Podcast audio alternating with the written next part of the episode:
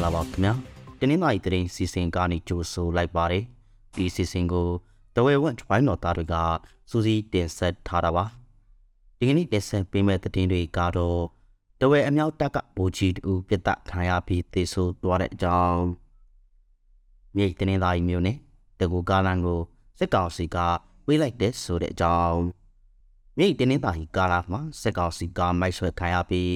ခိတ်တဲ့တေဦးတန်ရရခဲ့တဲ့အကြောင်း ပုံပြင်ကစီးပွားရေးလုပ်ငန်းရှင်တူရဲ့နေအိမ်နဲ့73စီဆိုင်ချစ်ပိတ်ခံလိုက်ရတဲ့အကြောင်းတနင်္လာရီတိုင်းမှာကိုဗစ်တွေ့သူလိပ်ဆက်ကျော်ရှိလာတဲ့အကြောင်းကာဝေကဲမော်လေကြီးတွေကိုတလထတုပ်ပြီးမဖားခွင့်ပြုလိုက်တဲ့အကြောင်းထိုင်နိုင်ငံမှာ CI ဆောက်လုပ်ခွင့်ပေးလိုက်တဲ့အချိန်ထောင်နဲ့ချီတဲ့မြန်မာလူသမားတွေတန်းစီဆောက်ဆိုင်နေရတဲ့အကြောင်းစားတဲ့တဲ့င်းတွေကိုနားဆင်ရမှာဖြစ်ပါတယ်။ တဝဲအမြောက်တက်ကပိုကြီးတူပစ်တာခံရပြီးတိတ်ဆိုးသွားပါတယ်။တဝဲမျိုးနဲ့ဇဟာယောအနီးမှာရှိတဲ့အမှတ်300နဲ့အမြောက်တက်ကပိုကြီးအဆင်ရှိတဲ့သူပစ်တာခံရတာပါ။မေလဖနေရဲ့မွန်လွယ်ပိုင်းမှာတိုင်ရဲ့ဒီဘောဝနာမှာပဲပြစ်ခတ်ခံရတာလို့ဆိုပါတယ်။ဘသူတွေကလာရောက်ပြစ်ခတ်သွားတယ်ဆိုတာကိုတော့မသိရသေးပါဘူးအမှတော်ရနဲ့အမြောက်တပ်ဟာ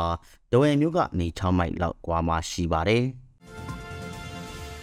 မြေတင်းနေတာမျိုးနဲ့တကူကာလန်ကိုစကောက်စီကပေးလိုက်တယ်လို့ဆိုပါတယ်မေလ9ရက်ကစားပြီးမြေမျိုးကနေတကူကြီးဝအုပ်စုဘက်ကိုသွားတဲ့ဇဝဲလန်းဆိုကီကို9ရက်ပေးလိုက်တာပါမြေကနေတင်းနေတာကြီးပဲဖြစ်စေတကူ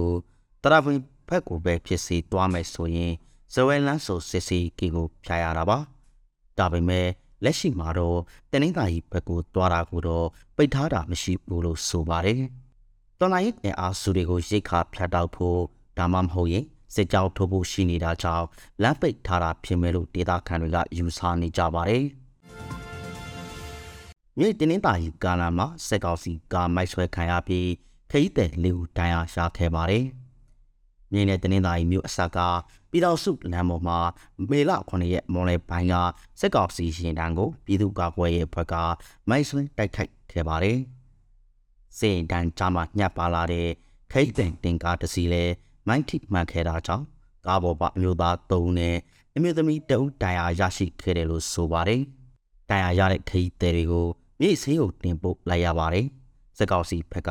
ထိခိုက်မှုကိုတော့မသိရသေးပါဘူး။မိုက်ဆွဲပြီးမှတော့အဲ့ဒီလမ်းပိုက်ကိုပိတ်ချပြီးစစ်စီတာတွေလှုပ်ဆောင်ခဲ့ပါတယ်။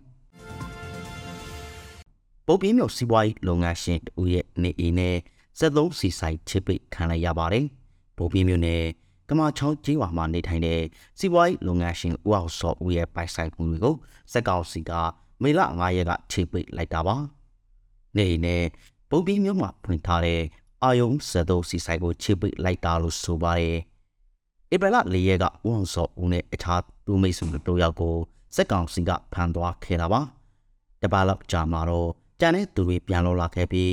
ဦးအောင်စောဦးကိုတော့မလော့သေးတဲ့အပြင်ပိုက်ဆိုင်မှုတွေပါတိတ်ခံလိုက်ရတာဖြစ်ပါတယ်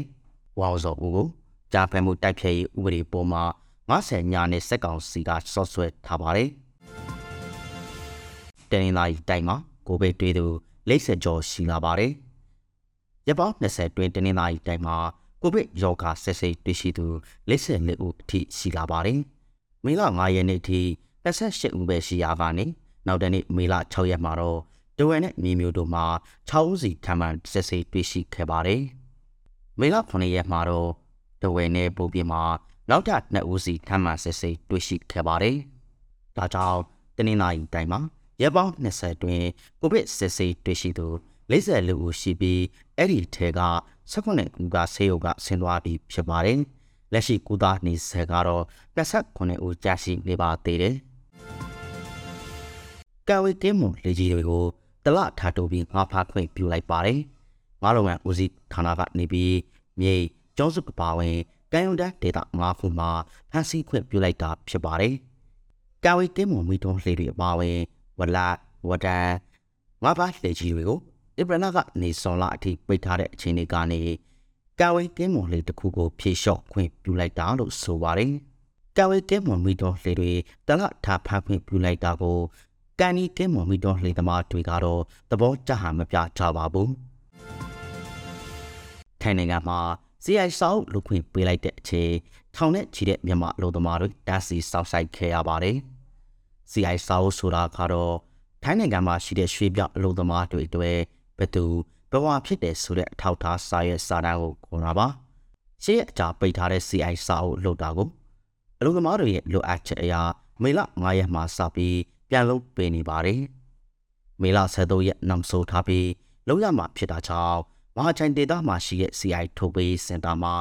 မြန်မာလူသမားထောင်ထဲထိလာရောက်တာစီစောက်ဆိုင်နေကြရတဲ့ဆိုတဲ့ကြောင်းတင်ဆက်ပေးလိုက်ရပါတယ်ခင်ဗျာခုလိုနားဆင်ပေးရတဲ့အတွက်ကျေးဇူးအထူးတင်ရှိပါတယ်မြန်မာနိုင်ငံသူနိုင်ငံသားများကပ်ပြီးပေါင်းကနေအများဆုံးလွန်မြောက်နိုင်ပါစေလို့တဝဲဝ ဝိုင်းတော်သားများကစုမုံကောက်တောင်းအပ်ပါတယ်ခင်ဗျာ